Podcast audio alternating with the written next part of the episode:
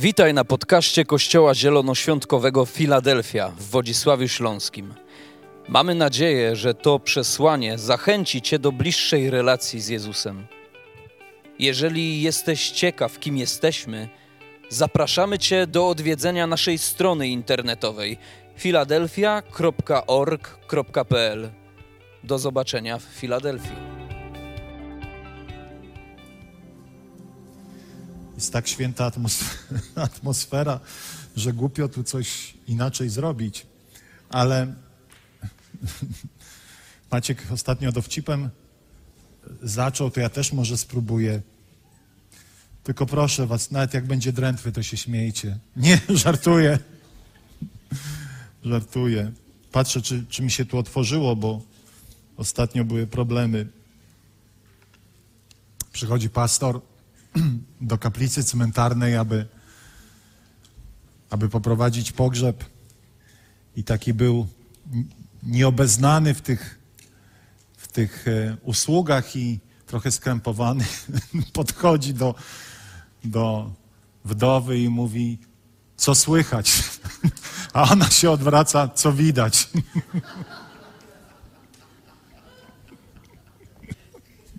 Muszę przyznać, że, że czasami też, idąc na jakiś pogrzeb, pilnuje się, żeby nie zagadać co nowego. Wiecie, to jest odruch. A tak serio jakiś duch radości mnie tutaj dopada i tak się pilnuje, żeby nie pójść w tą stronę. No, podaj się. Kazania nie będzie. Ale jest jakiś czas szczególny. E, Przepraszam. Przepraszam, naprawdę to jest e, silniejsze ode mnie. Moi drodzy, przeczytam, przeczytam wam.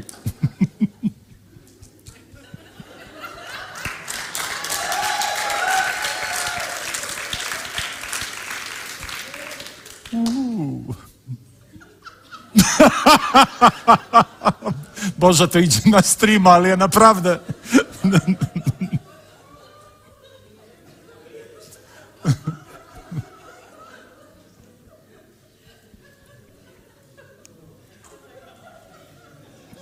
Znacie mnie, że, że ja raczej nie gustuję w takich zachowaniach, ale.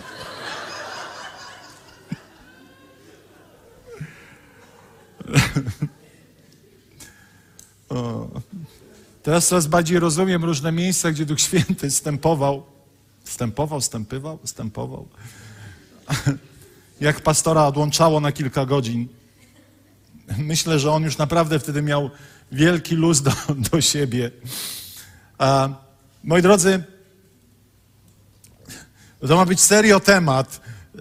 Jak nie, nie wyjdzie serio, tylko w radości, no to trudno, ale nie, no w sumie wszystko się zgadza, bo będziemy mówić o owocach Ducha Świętego i miłość, radość, więc drugim jest radość. Amen.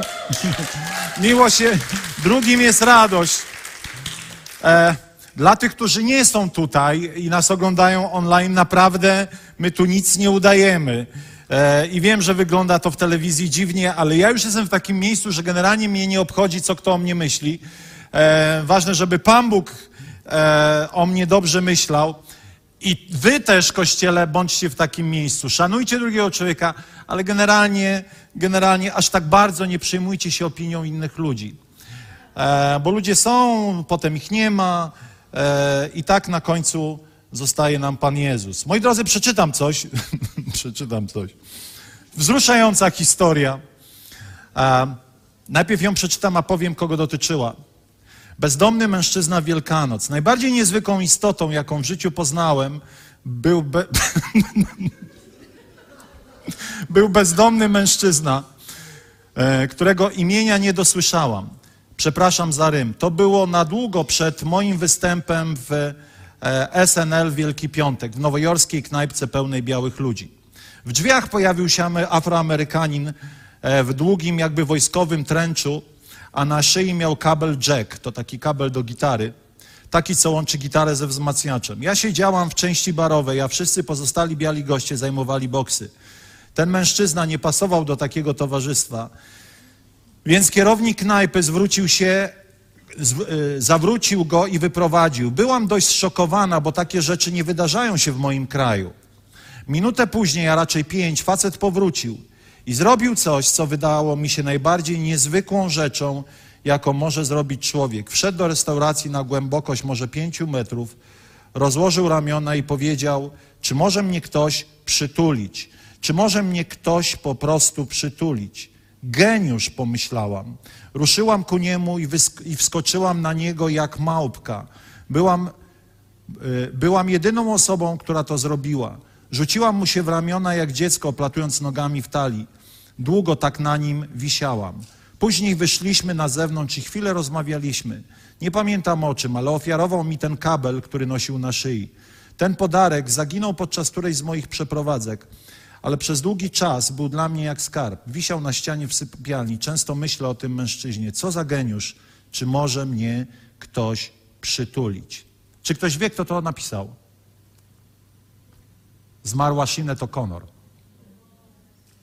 Opisała historię, którą wam wspomniałem podczas jednego z koncertów, kiedy nie była aż tak bardzo znana. Ale w tej historii jeden fakt mnie uderzył, że bezdomny mężczyzna miał tylko jedno pragnienie. Niech mnie ktoś przytuli. I wiecie, podróż z Duchem Świętym to jest taka historia, w której absolutnie, jeśli spotkamy jedną rzecz, która cechuje Ducha Świętego, to, to, to mamy wszystko. A mianowicie w każdym z nas jest potrzeba bycia kochanym i kochania.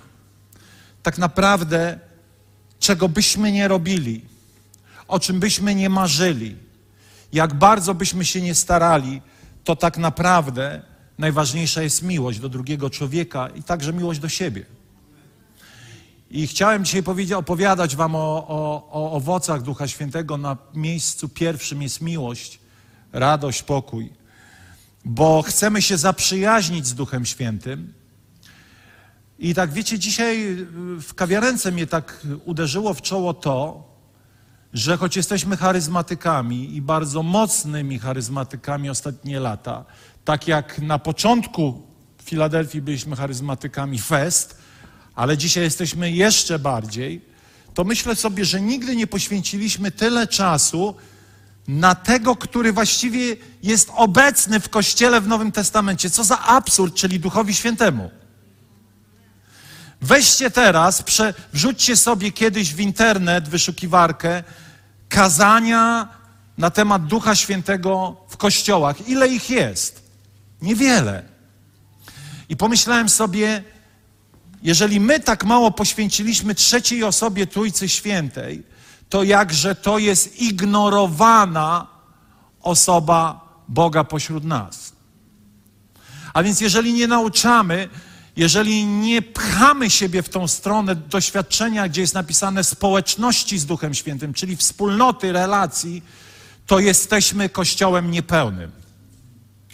I każdy kościół, powiem to bardzo odważnie, nie chcę powiedzieć, że tam nie ma ludzi zrodzonych z ducha, ale każdy kościół, który nie ma pośród siebie służby ducha, nie ma pełni. A prawda jest taka, że potrzebujemy mieć pełnię Ducha Świętego, Boga pośród nas, doświadczania tej pełni. Ale jest zawsze taki dylemat, wiecie, bardziej, bardziej, e, bardziej e, ludzie związani z taką, e, inaczej, są takie właśnie dwa prądy. Jedni mówią Duch Święty, drudzy mówią Pismo Święte. A ja wam powiem, e, a ja wam powiem i to, i to. Tak? Nie wiem, dlaczego to jest jakiś w ogóle dylemat. Albo jedni powią, inni powiedzą, my owoce Ducha Świętego, a my mamy dary Ducha Świętego. Ale prawda jest taka, że Biblia mówi to i to.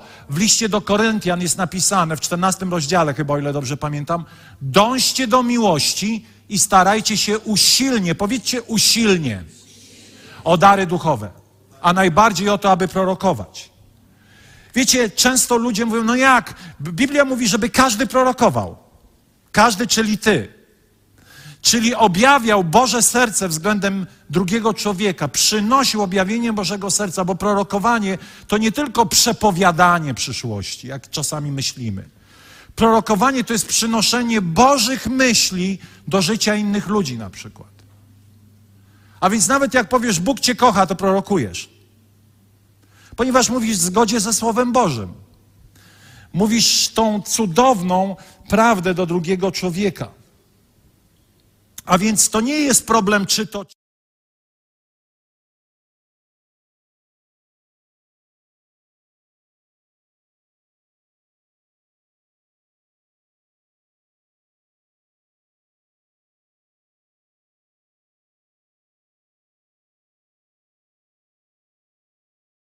jasno powiedzieć, że musimy poświęcić dużo czasu na temat owoców Ducha Świętego.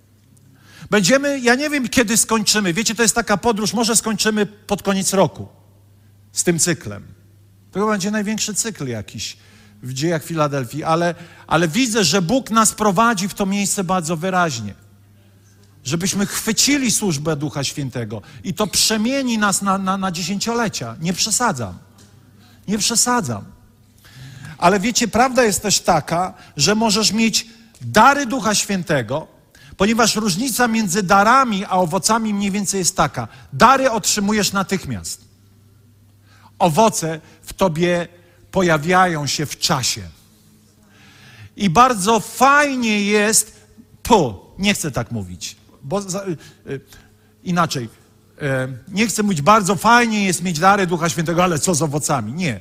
Chcę powiedzieć, że po prostu, kiedy dostajesz dar jakiś, to ktoś przynosi ci dar i nie mówi, słuchaj, on się tak będzie uaktywniał przez pół roku i za pół roku dopiero ten dar zaistnieje.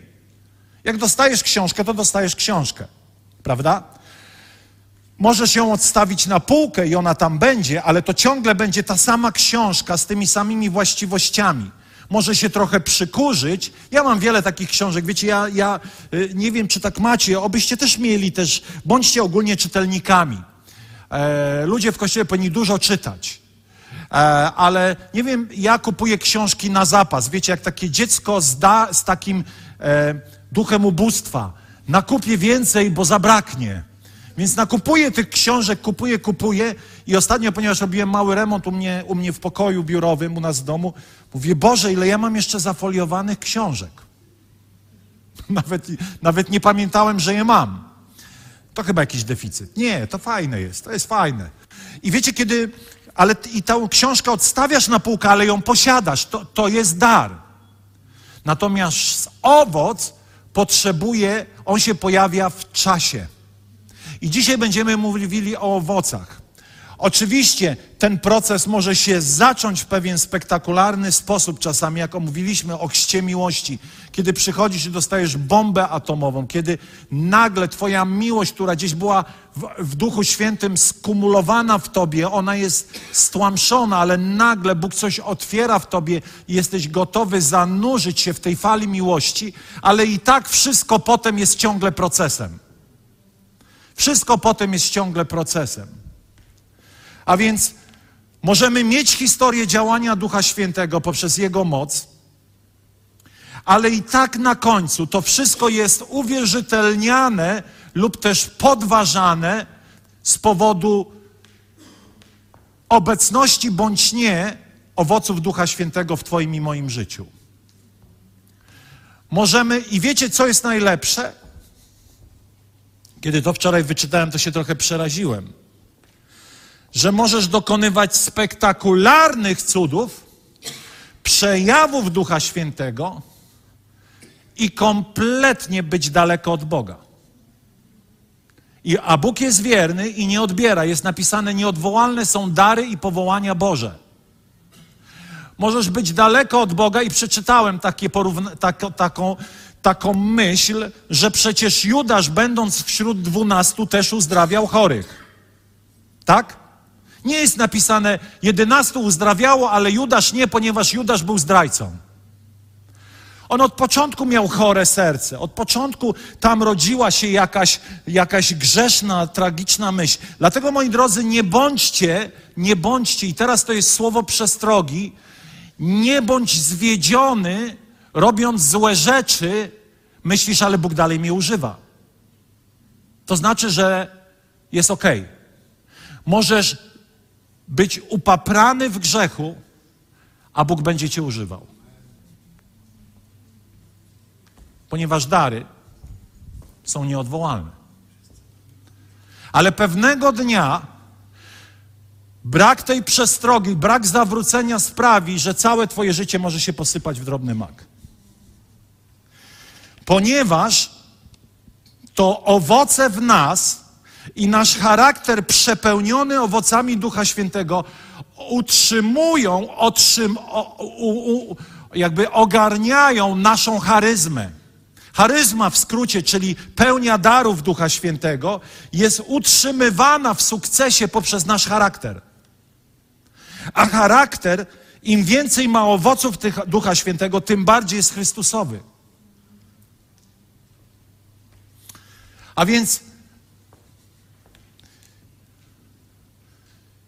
kiedy mamy owoce, kiedy rozwijają się w naszym życiu owoce, to jesteśmy zabezpieczeni przed katastrofą i upadkiem. Dary przyjmujemy, owoce uprawiamy i doskonalimy.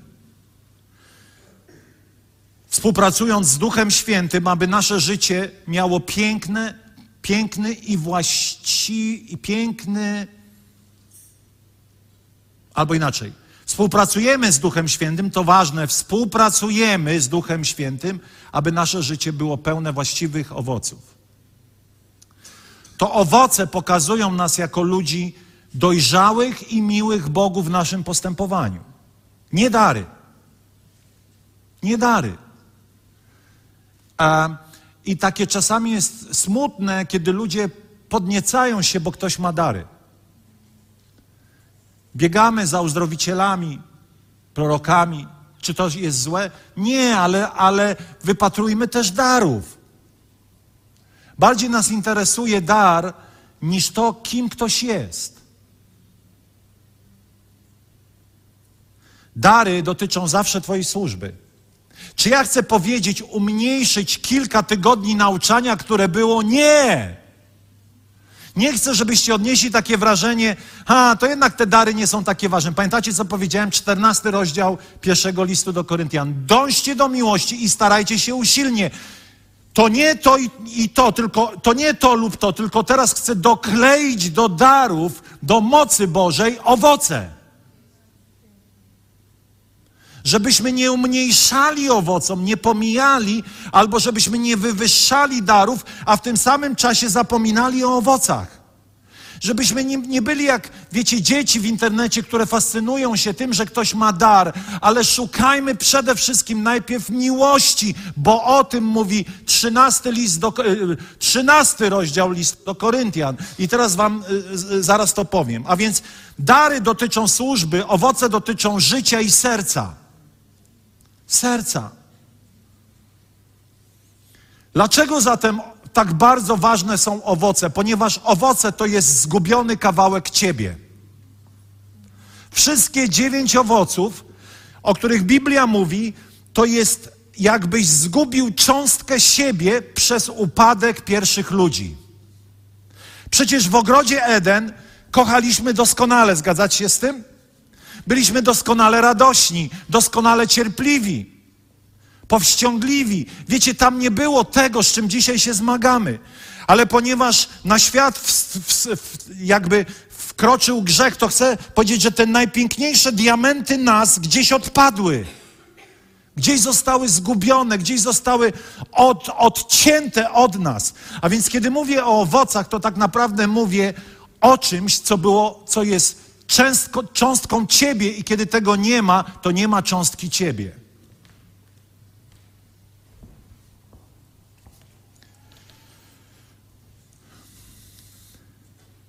Za darami podążają niedojrzali ludzie. Zafascynowani naszą duchowością. Przypomina mi się ciągle wypowiedź Ricka Joynera, kiedy miał tak, zwany swój, tak zwaną swoją kawę z Panem Bogiem. Macie kawę z Panem Bogiem? Im więcej nauczam na ten temat, tym bardziej jestem przerażony, jak realna jest Boża obecność. Wiecie, jest taki film Duch i tam jest Whoopi Goldberg, która gra medium. I jest taka scena, ona generalnie była hosztaplerką i udawała, że wywołuje duchy. Ale w pewnym momencie duch przyszedł i ona mówi, ktoś tu jest, ktoś tu jest. I wiecie, czasami, kiedy masz tą kawę z Panem Bogiem, to ty wiesz, że Bóg jest, ale czasami masz wrażenie, Jezu, ktoś tu jest. Realna Boża obecność jest tak mocna. I, I Rick Joyner, kiedy miał tą kawę z Panem Bogiem, Duch Święty zadał mu pytanie, Rick, z czego jesteś znany? Ja powtarzam, bo to, jest, to, to, to, to odmienia moje życie. Mówi, no Duchu Święty, no jak z czego jestem znany? Jestem prorokiem. Prorokuję takie szczegóły, że ludzie po prostu dostają gęsiej skórki. Znam takie szczegóły, takie przepowiadam rzeczy i tak dalej, i tak dalej. I tam się chwali przed Jezusem. Wiadomo, z czego jest znany. A Duch Święty mówi, Rick, Rick, ale ja bym chciał, żebyś był znany z miłości.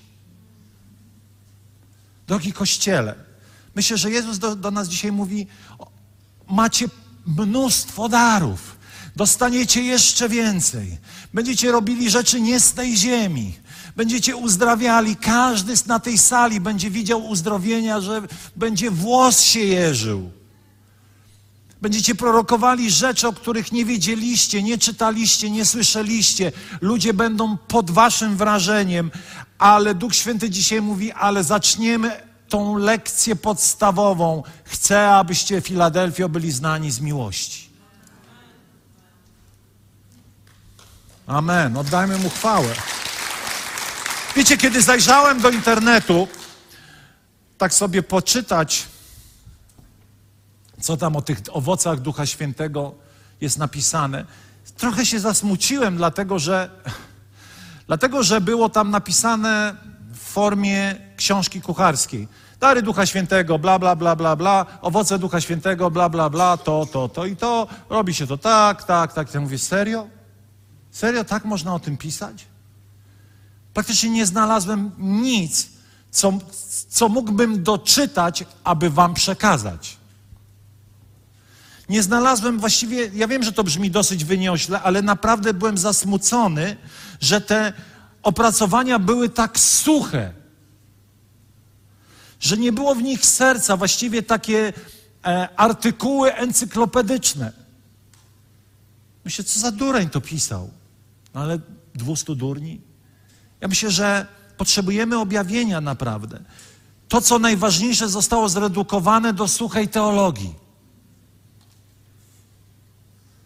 A więc list do Galacjan 5, 22 do 26. Dłuższy kontekst, nie chciałem jednego zdania tylko cytować. Owocem zaś ducha jest miłość, radość, pokój, cierpliwość, uprzejmość, dobroć, wierność, łagodność, powściągliwość. Przy takich cechach nie, trzeba, nie potrzeba prawa. A ci, którzy należą do Chrystusa, ukrzyżowali ciało wraz z Jego namiętnościami oraz pragnieniami. Jeśli żyjemy w duchu, w zgodzie z duchem, też postępujemy. Nie bądźmy rządni próżnej chwały, nie drażnijmy w ten sposób jedni drugich, ani nie kierujmy się wzajemną zazdrością. Ciekawe jest to, że, są, że wymienionych jest dziewięć owoców, a potem jest napisane, że ci, którzy te owoce mają, nie potrzebują żadnych zasad. Ła! Jak nie masz owoców, to masz zasady. Bo kompletnie nie rozumiesz, na czym to chrześcijaństwo polega. Jak masz owoce, to nie zastanawiasz się nad tworzeniem kolejnych, a czy to od Boga, czy to nie od Boga, a czy to wolno, a czy tego nie wolno. Kształtuj owoce, a będziesz wiedział, co trzeba robić. Kształtuj owoce, a nie będziesz zajmował się głupotami, czy to można robić, czy to nie można robić, a to czy chrześcijańskie, a czy niechrześcijańskie. Wiecie, ja jestem zasmucony, jak można stworzyć sobie swój chrześcijański, zapierdziały świat. Przepraszam za to słowo. Wszystko musi być chrześcijańskie. A ja wam powiem, że nie oglądam chrześcijańskich filmów, bo są słabe. Bo są właśnie takie prowincjonalne.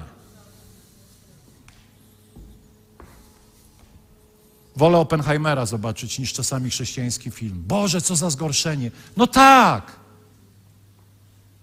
No tak. Kiedy rozwijasz owoce, nie potrzebujesz mnożyć zasad, ponieważ jest w tobie ustanawiane serce Boże, które kieruje Twoimi krokami. Poczucie rozdźwięku, które nagle pojawia się, kiedy miałbyś zrobić coś niebożego, jest bardzo wyraźne i wiesz, jak zrobić. Ale w takim razie, jak kształtują się owoce? O tym, je, o tym jest ta historia. Żeby mieć coraz więcej owocu i żyć w wolności, a zarazem żyć Bożym życiem, to trzeba te owoce rozwijać. I o tym będziemy tak naj, najwięcej dzisiaj mówili. O, o tym, jak rozwinąć owoce. To było brzydkie słowo, co powiedziałem? Chyba nie. Nie. Są gorsze. Jeżeli ktoś czuje się tym obrażony, przepraszam. A więc, moi drodzy, zobaczcie list do Koryntian, który mówi o pierwszym owocu, który jest fundamentem w ogóle poruszania się w Duchu Świętym. Choćbym mówił językami ludzi i aniołów, a miłości bym nie miał, pozostałbym miedzią, co dźwięczy, lub hałaśliwym cymbałem. Choćbym posiadał dar prorokowania i pojął wszystkie tajemnice, myślą ogarnął całą wiedzę i dysponował pełnią wiary, tak że przenosiłbym góry, a miłości bym nie miał, byłbym niczym. I choćbym część po części rozdał swą całą własność i swoje ciało wydał w sposób budzący uznanie, lecz miłości bym nie miał, nic bym nie osiągnął. Zobaczcie, z czym jest miłość tutaj połączona? Ze służbą. Widzicie to? Bardzo często bierzemy ten fragment, tam, tą jego późniejszą część, mówimy miłość jest taka, wiecie, jest wesele, ślub i my czytamy miłość jest taka, miłość taka, ale ten fragment w ogóle nie mówi o miłości małżonków, tylko mówi o człowieku, który jest w służbie i nie ma miłości. To jest ta sztuka kontekstu. I sztuka różnych, e, wiecie, stereotypów, które tworzymy. Czy to byłoby nadużycie, gdybym przeczytał o miłości e, na, na, na ślubie? Nie, bo miłość to jest miłość. Miłość w służbie, miłość w tym, w tamtym. Ale ten fragment jest skierowany do Koryntian, którzy byli ultracharyzmatykami. Ale Paweł mówi, możecie robić wszystko, ale jak nie macie miłości, to to nie działa.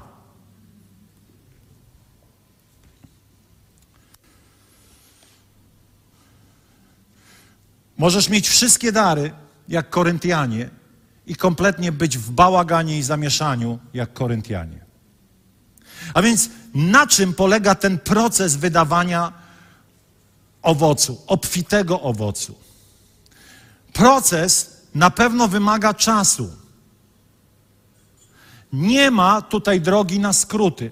Oczywiście wiemy, że pewne rzeczy, pewne owoce mogą pojawić się u kogoś szybciej, u kogoś wolniej. Dlaczego ja o tym mówię? Dlatego, że największym błędem jest mierzenie wszystkich jedną miarą.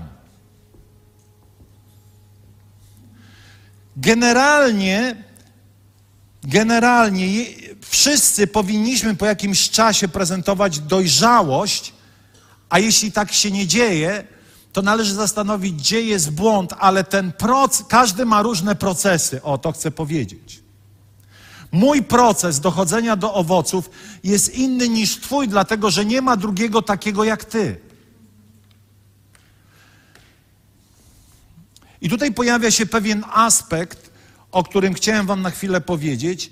Bardzo często żyjemy w, takim, w takiej atmosferze, kiedy słuchamy kazań, kiedy słuchamy tego typu kazań, pojawia się takie uczucie winy, wstydu, potępienia. Ja chciałbym powiedzieć, że bardzo chcę się uwolnić od tego, aby słuchają, abyście, kiedy słuchacie takich rzeczy, czuli się zawstydzeni, winni, że tych owoców nie macie. Ponieważ dzisiaj zabieramy się wszyscy w podróż. Wiecie, w ogóle ostatnimi czasy pojawia się taki aspekt winy w kościołach, potępienia, poczucia winy, prowadzenia ludzi przez poczucie winy.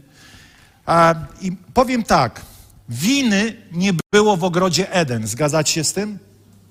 A więc uczucie winy jest demonicznym odczuciem, które dewastuje Twoje wnętrze. Wina może doprowadzić Cię do obłędu. Poczucie winy, gorszości, że coś z Tobą jest nie tak, może doprowadzić Cię do choroby umysłowej może doprowadzić cię do choroby fizycznej, może doprowadzić cię do po prostu problemów z Twoją własną duszą. I chciałbym, abyśmy nauczyli się mówić o rzeczach trudnych bez poczucia winy i z winą się rozprawiać na samym jej początku.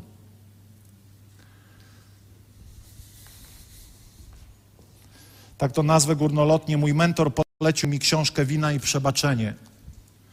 Paul Tournier. Przeczytałem może 30 stron i, i, powiem tak. Jedna z najważniejszych książek, jakie w swoim życiu przeczytałem, właśnie mówiąca o winie. Wina jest wszechobecną emocją, odczuciem w naszym życiu od małego. A to rodzice nas wpędzają w poczucie winy, a to my wpędzamy dzieci w poczucie winy, a to przełożony wpędza nas w poczucie winy, a to przyjaciel, przyjaciółka, a to my wpędzamy innych w poczucie. Taki prosty przykład. No czemu nie zadzwoniłeś? Jezu! Serio? No czemu do tatusia nie zadzwoniłeś? Tatuś tyle czeka na telefon, a dziecko już jest winne. I co dziecko myśli? Jestem złym synem. Robicie tak rodzice? Wy nie, wiadomo. Ale jakbyście robili, kupcie tą książkę, sprowadziłem w księgarni, wina i przebaczenie. Ludzie, my nawet nie wiemy, ile my, my działamy poprzez wzbudzanie winy w drugim człowieku. I nie robimy tego z powodu złych motywacji. Ile razy my czujemy się źle, że robiąc dobre rzeczy, ktoś poczuł się niekomfortowo i mam poczucie winy. Po prostu wina dewastuje wnętrze człowieka. A więc dlatego na przykład musimy nauczyć się, że każdy z nas jest różny i ma różną drogę. Każdy z nas jest różny. Taki prosty przykład jeszcze. Ktoś jest ogarnięty, szybko rzeczy robi, a ktoś robi powoli. I ten ogarnięty i przychodzi, mówi: Mógłbyś się pośpieszyć. Tylko jest jeden problem. Ten człowiek nie potrafi, bo on jest innej konstrukcji. U nas w rodzinie jest, z tajemnic rodzinnych, są dwa obozy. Tych, którzy podejmują decyzje natychmiast i tych, którzy mówią, e, poczekaj, daj pomyśleć. I kiedyś myślałem, że ci, którzy podejmują decyzje natychmiast, to są ci prawowierni. A ci, którzy się opóźniają, czyli ten drugi obóz, ta Angelika i Jakub, to Wiecie, ale jakiś czas temu, całkiem niedawno, dotarło do mnie, że i ci, i ci mają rację. Bo czasami potrzeba podjąć szybko decyzję, a czasem nie wolno podejmować szybko decyzji. Ich konstrukcja jest taka, że oni muszą chwilę pomyśleć. No jak to? Przecież jedziemy na wczasy. Poczekaj, a musisz już? Już zarezerwowałem. Kiedy zaczynamy rozumieć, jak bardzo nasze postępowanie może wpędzać innych w poczucie winy, to zaczyna kompletnie zmieniać nasze postępowanie. Zaczynamy rozumieć, że to stworzenie Boże jest inne. Że Bóg z jakichś przyczyn sobie wybrał, że ktoś będzie musiał chwilę pomyśleć. Bo czasami ty potrzebujesz, żeby ktoś za ciebie pomyślał chwilę, zanim podejmiemy decyzję. Moi drodzy, dlaczego my potrzebujemy siebie nawzajem?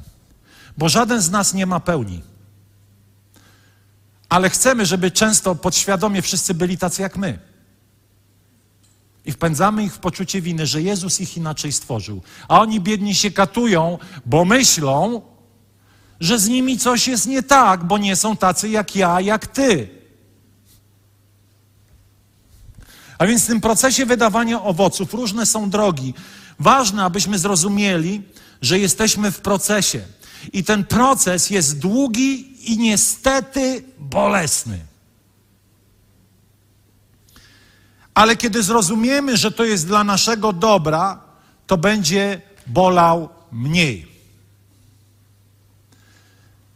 A propos tak zwanej skromności, ja jestem dosyć, mam wysoki poziom bólu. Czyli wszelkie, wiecie, takie chirurgiczno-stomatologiczne historie aż mnie tak nie przerażają. Nie lubię ich, ale jako dziecko trochę takich, wiecie, ingerencji w to dziecię, dziecięce ciało miałem, e, takich bolesnych. I chyba jakoś ten pro, próg bólu podniósł się wyżej.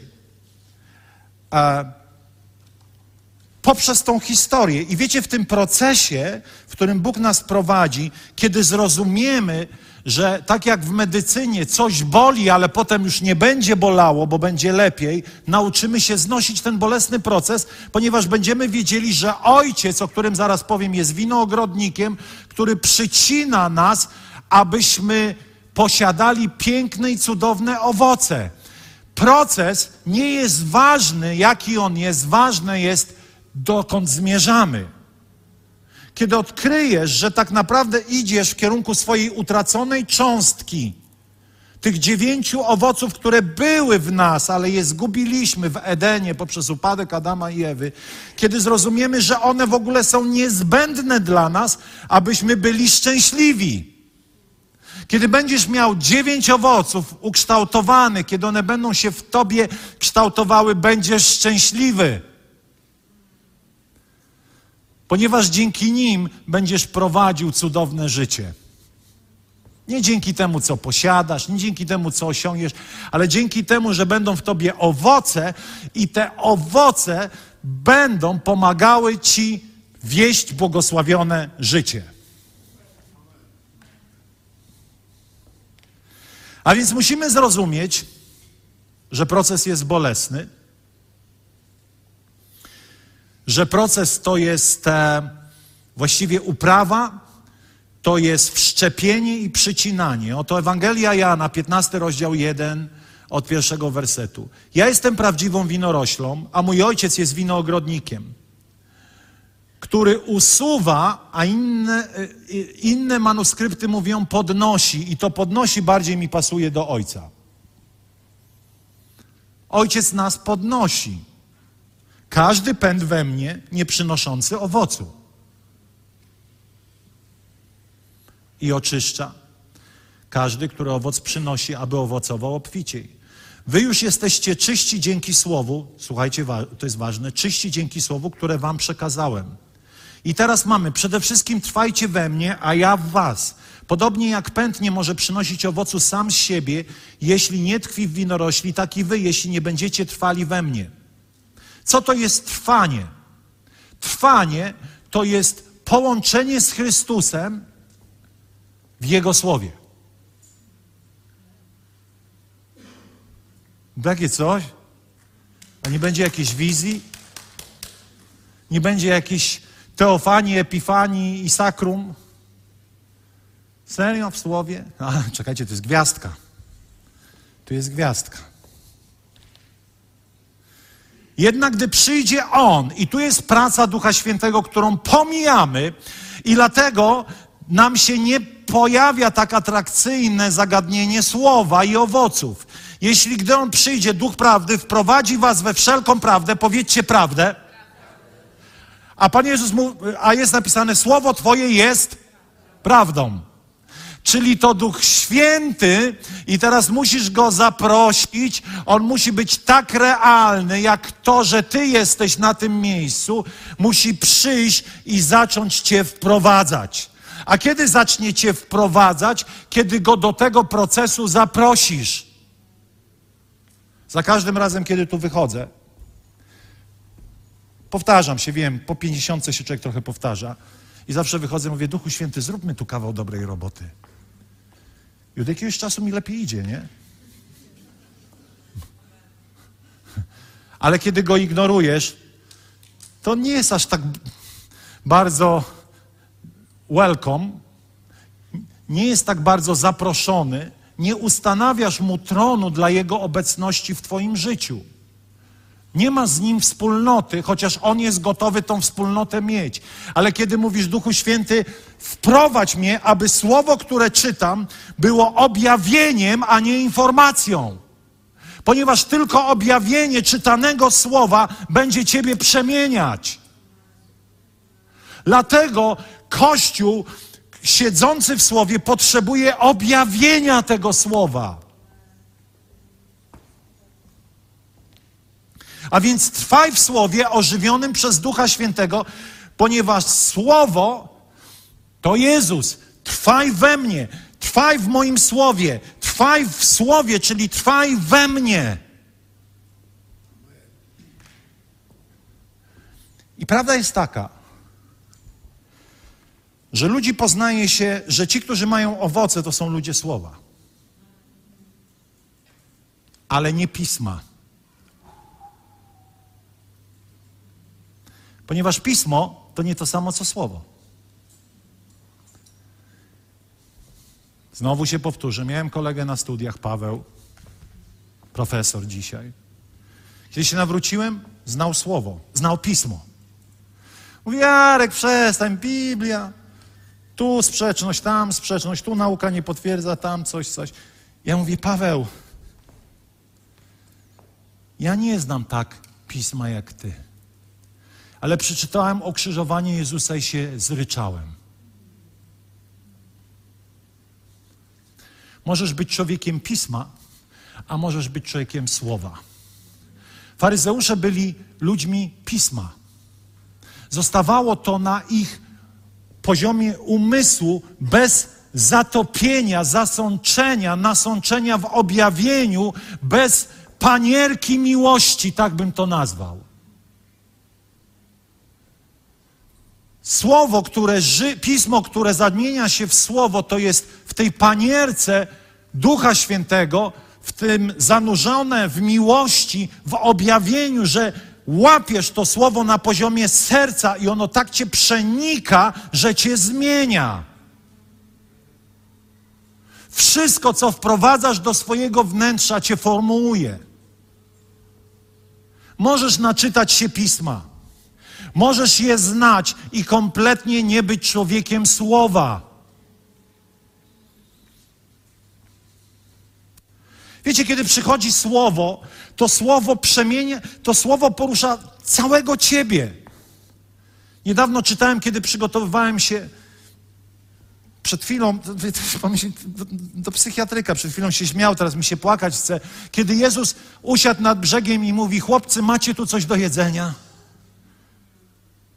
Zryczałem się tym, tym jednym zdaniem, bo sobie się przyszedł, Piotr go, Piotr go Piotr go zawiódł, a on mówi: Chłopaki. Oczywiście stare tłumaczenie, żeby było bardziej tak po staropolsku: dziateczki, dzieci. A tam było: chłopcy, macie tu coś do jedzenia? Myślę, jaki dostępny, jaki przystępny, jaki nieuprzedzony do tych, którzy go porzucili. I co to sprawia? Że kiedy ktoś mnie rozczaruje, to chcę być jak Jezus i powiedzieć: Chłopcy, macie tu coś do jedzenia, chodźcie, zjedzmy coś. Wiem, że zrobiłeś mnie w bambuko, ale ja nie chcę być jak wszyscy i odwrócić się od ciebie. Czujecie, jak to, jak to zmienia? A żeby poprzeć tą teorię i biblijną myśl, przeczytam Ewangelię Jana 6, 60 63. Po wysłuchaniu tych słów spośród jego uczniów stwierdziło, tam było o, o, o czasach ostatecznych, twarda to nauka, kto ją zdoła stosować. Jezus natomiast, wewnętrznie świadomy, że jego uczniowie szemrają z tego powodu, powiedział do nich, to was zniechęca? Co więc będzie, gdy zobaczycie Syna Człowieczego wstępującego tam, gdzie wcześniej? I teraz mówi nagle jakby zdanie, które właśnie ma im pomóc zrozumieć, gdzie, gdzie jest ich problem. To duch ożywia. Ciało nic nie pomaga. Słowa, słowa, które wam powiedziałem, są duchem i życiem. A więc kiedy czytam słowo, mówię, Duchu Święty, ożyw to w moim życiu. To nie jest, wiecie, takie o przesmyknięcie się. Ja też czasami nie mam głowy, przesmyknę się, ale czasami, jak to się mówi po śląsku, tak? Ale, ale ale czasami rozumiem tą świadomość tego słowa i mówię: objaw mi to. Objaw mi to, bo chcę, aby to we mnie mnie zmieniało. Duch Święty zamienia pismo w słowo. A więc zaproś Ducha Świętego, trwaj w słowie, które zostało objawione ci przez Ducha Świętego. Oto jest napisane w Biblii bardzo ciekawe zdanie. Oto macie namaszczenie. Namaszczenie. Czym jest namaszczenie? Jest to obecność Ducha Świętego. Namaszczenie Ducha Świętego. Od Niego macie namaszczenie i wiecie wszystko. Ale jak mam namaszczenie, to nie znaczy, że nie potrzebujemy nauczycieli słowa i tak dalej. Nie to chcę powiedzieć. Ale wiecie, kiedy mam namaszczenie, to przychodzi objawienie słowa, które mnie przemienia. Ale kiedy to tego namaszczenia nie mam, nie zapraszam Ducha Świętego, nie doświadczyłem chrztu Duchu Świętym, nie operuję Jego obecnością w moim życiu, ignoruję Go, to tego namaszczenia nie ma.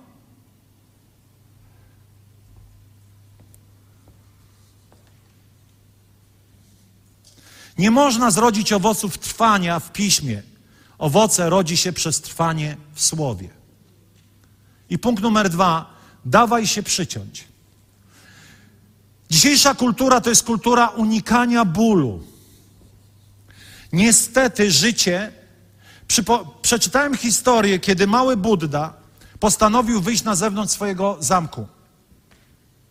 I kiedy wychodził z tego zamku, to jego ojciec kazał usunąć wszystkich bezdomnych, wszystkich chorych, wszystkich pokręconych, aby mały Buddha, ja nie wiem, czy to jest prawda, ale dobra ilustracja, e, aby ten mały Buddha nie zobaczył, jaki jest realny świat. Ale wiecie, nie udało się usunąć wszystkich chromych, bezdomnych, sparaliżowanych, połamanych, pokręconych. Nagle przeraził się ten malutki człowieczek, że życie jest takie, jakie jest. Smutną prawdą jest to, że złe rzeczy dotykają dobrych ludzi. Prawdą jest, że wszystko, co złe, nie pochodzi z Bożego serca, ale Bóg ma boską moc zamieniania popiołów w piękno. Problem jest, że kiedy pojawiamy się w tym miejscu zamętu, bo jak Bóg nas przycina? Bóg przycina nas na wiele sposobów, ale jednym z nich jest, jest przechodzenie, jakby, jakby umiejętność przejścia trudnego czasu. Tak naprawdę najwięcej uczymy się o Bogu w trudnym czasie. Najwięcej odczuwamy Boga w trudnym czasie. Najbardziej objawia się Jego serce w trudnym czasie. I wiecie, musimy pozwolić Bogu aby też nieprzyjemne rzeczy, ale zbawienne mogły jakby, abyśmy umieli je zwycięsko przechodzić. Zła konstrukcja, jeszcze raz. Kiedy przychodzą trudne rzeczy, nie unikajmy ich, nie uciekajmy od nich, ponieważ może to są rzeczy, w których spotkasz najbliżej Boga jak nigdy przedtem. Ale wiecie, też najtrudniejsze rzeczy, trudni ludzie bez owoców Ducha Świętego bardzo często pokazują nasz stan. Kiedy jesteśmy dla siebie wszyscy dobrzy i mili, tam nie ma miejsca, w którym może się objawić jakaś nasza dysfunkcja. To jest już banalne, ale ja pamiętam zawsze, kiedy byłem młodym chrześcijaninem, często mówiło się, jak Bóg chce cię nauczyć cierpliwości, to właśnie, nie, to właśnie każe ci czekać i czekać. Ale wiecie, w trudnych sytuacjach widzimy, jacy naprawdę jesteśmy. I wiecie, kiedy przegrywamy? Kiedy dręczy nas poczucie winy. Kiedy czujemy, że jesteśmy beznadziejni. Kiedy czujemy, że jesteśmy dobani, albo kiedy im mówimy, że są beznadziejni i są dobani. Odstaw te dwie rzeczy i spróbuj powiedzieć, czego mogę się nauczyć przez tą sytuację. To jest ten moment przycinania, kiedy widzisz, ja mam w, e, przy swoim domu e, winorośl. Rosła jak rosła, myślałem, że umarła, patrzę, a pewnego dnia, wiecie, to jest w ogóle hit. Nie chcę zwariować, ale to było naprawdę prorocze. Wiecie, zasadziłem ją, przeczytałem, że to najlepszy w ogóle szczep, że słodkie winogrona. Widział ktoś w Polsce słodkie winogrona? Że wino z tego będzie. No i wiecie, zasadziłem i to przepadło, nic nie, gdzieś tam. I w tamtym roku patrzę, a to normalnie jak zaraza po całym płocie się rozprzestrzeniło. I owoce, wiecie, jakie słodkie. Wiem, że mi nie wierzycie, ale naprawdę sam cukier. Sam cukier. Nie, bo ja z działki swojej, jak miałem 6 lat, chodziłem i tam, była, tam były winogrona, których jeść się nie dało, a rodzice namiętnie te winogrona tam hodowali. Ja mówię, po co? Przecież tego nie da się jeść. Haruś, zobacz, jakie cudowne. To, to było zaprzeczanie rzeczywistości. Ale, ale w tym roku już byłem świadomy. Wziąłem sekatorek. Poczytałem, jak przycinać. I wiecie, co przycinałem? Głównie to, co i tak już obumarło. To, co i tak nic by nie wydało. To, co i tak nie miało znaczenia. Odcinałem rzeczy, które z punktu widzenia owocowania tej rośliny nie miały głębszego sensu. I wiecie, odcinanie to nie tylko przechodzenie przez trudne momenty i sprawdzanie, jak reagujemy, ale odcinanie to także zamykanie przed nami różnych dróg. Po co tam pójdziesz, to ci nic nie da. Po co ci ta relacja? Z niej masz tylko coś złego. Po co to robić? To nic nie doda do Twojego życia, a wręcz doda Ci cierpienie. I przycinanie to czasami zamykanie przez Boga pewnych fragmentów naszego życia i naszych dróg. Przycinanie to także pozbawianie nas czegoś. Czasami Bóg musi Ci coś zabrać, żebyś z nowym sercem mógł to odzyskać. Kilka razy słyszałem świadectwa ludzi biznesu. Wiesz, musiałem splajtować, żeby moje serce było wolne od chciwości do pieniędzy. I dzisiaj mój biznes jest pięć razy większy niż wtedy. Ale co się nawy, na, na, na, naględziłem Panu Bogu, jak mógł, obiecał prosperity, nawet dawałem pieniądze na kościół, a splajtowałem. Bo serce potrzebowało być skorygowane. Czasami Bóg będzie zabierał swojego życia, a nie Boże relacje. I na początku będziesz wściekły. Na początku będziesz miał pretensje, że byli, nie ma, była dziewczyna, nie ma dziewczyny, był chłopak, nie ma chłopaka. Ale Bóg przycina, ponieważ On wie, co dla Twojego życia jest najlepsze. Od momentu, kiedy powiedziałeś, Jezus jest Panem, zaprosiłeś Boga, aby On mógł decydować. Umówiłeś się z Nim na przycinanie. Halo, tu ziemia. Więc nie marudź, że jesteś przycinany. Nie możemy unikać bólu, bo żyjemy w kulturze, w której przyjemność jest najważniejsza. Nie możemy teraz, posłuchajcie tego, to jest ważne dla Kościoła jako całości. E, I, i, I teraz tak trochę powiem konkretnymi przykładami, ale to nie o to chodzi, żebyście się teraz mieli poczucie winy, tylko chcę Wam powiedzieć, żebyśmy trochę zawrócili z, pewnego, z pewnej drogi luksusu. Nie możemy budować kościoła, w którym przyjemność stała się jedyną poszukiwaną emocją. Nie możemy budować kościoła, w którym wygoda stała się jedynym poszukiwanym stanem.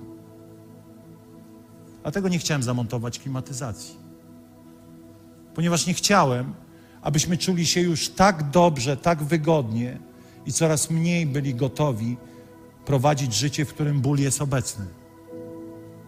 Pastorze, za ciepło, za zimno. Serio? Naprawdę to są nasze problemy? Serio to jest jedyna rzecz, która nas męczy? Ja wiem, że teraz jest poczucie winy. Nie, nie, o to chodzi. Chodzi tylko o to, abyśmy, rozumiecie o co chodzi, abyśmy rozumieli, że życie jest inne. Że są ważniejsze rzeczy niż to, czy będzie nam zawsze miło, przyjemnie, bo najważniejszą rzeczą jest, a moim szczęściem jest być blisko Boga. Koniec, kropka. Koniec, kropka. Zakodujmy to sobie. Zakodujmy to sobie. Dlaczego ja o tym mówię? Bo trudne momenty i nasza reakcja pokazują, które owoce są dojrzałe, a które zielone, a może nawet robaczywe. I kiedy mówię robaczywe, znowu nie chcę, żebyś poczuł się jak robaczywy chrześcijanin. Tylko po prostu taki jest pokręcony ten świat. Że wpędzi jakiś obszar naszego życia w takie miejsce, w którym jest mnóstwo robaków. Na przykład chciwość.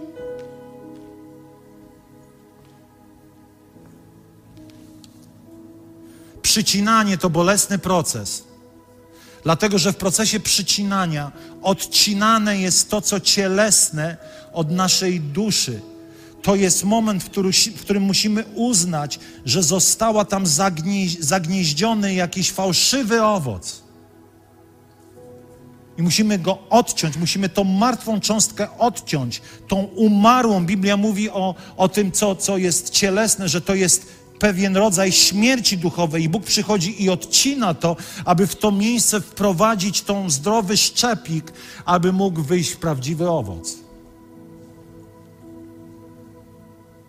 To miejsce testu oraz gotowość do przyjęcia korekty. Nie żyjmy w mentalności bycia zawstydzonymi. Pamiętacie, o czym mówiłem? Ale raczej błogosławieni i wyjątkowi, że Stwórca nieba i ziemi znalazł czas, aby przycinać Twoje życie. To mówi Biblia. Jeśli jesteśmy smagani, korygowani, to znaczy, że jesteśmy dziećmi króla.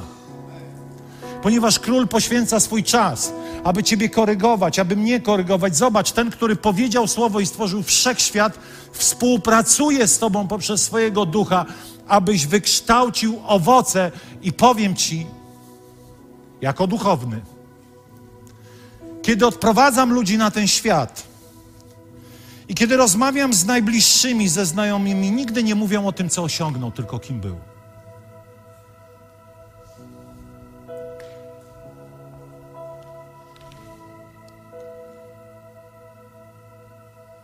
A jak był nikim, to też się niewiele mówiło. Tak żyj, abyśmy jeszcze kolejne lata w Filadelfii wspominali Ciebie jak Dorotę.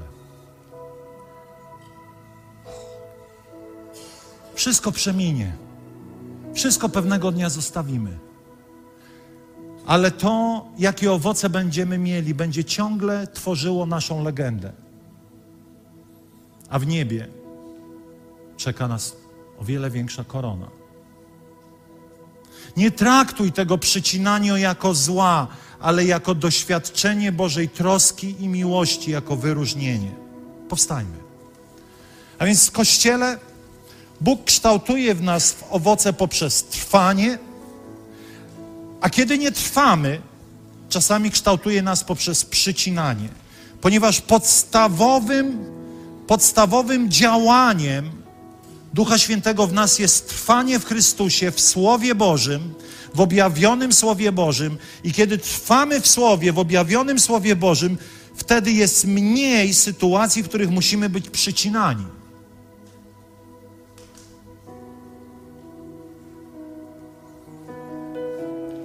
I to jest taki moment, w którym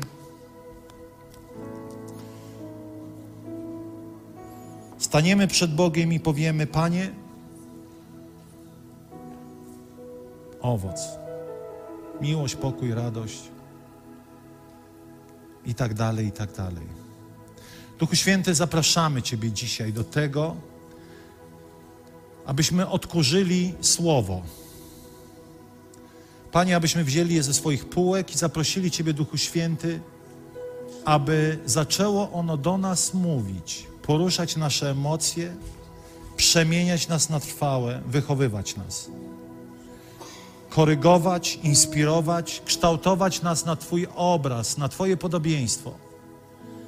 Duchu Święty, nie potrzebujemy tego poczucia winy i tych niby postanowień, że od dzisiaj zaczynam. Nie. Zapraszamy Ciebie, Duchu Święty, abyś wzbudzał w nas ten pozytywny głód. Panie, jeśli ktokolwiek na tej sali dzisiaj czuje się winny, proszę usuń tą emocję z jego serca ale aby stanął i powiedział: Tak, to przecież jest takie dobre, takie pożyteczne dla mnie, tak bardzo potrzebuję tego. Duchu Święty, przybijamy to uczucie winy do krzyża, bo tam je zabrałeś. Ale dzisiaj chcemy stanąć i być radosnymi, radosnymi naśladowcami Twymi. Panie, odrzucamy wszelkie słowo musi, musimy a przyjmujemy każde słowo chcemy, które zrodziło się w naszych sercach przez Twojego Ducha Świętego. Panie, zwróć w naszych sercach to chcemy, chcę. Chcę zanurzyć się w Twoim słowie. Panie, chcę stać się człowiekiem, który pokochał Twoje słowo, czyli pokochał Ciebie. Ojcze, modlę się teraz, aby do tych którzy zmagają się, przyszło objawienie i głód. Przyszło objawienie i głód. Przyszło objawienie i głód. Ojcze, modlę się w imieniu Jezusa, Pana naszego. Amen.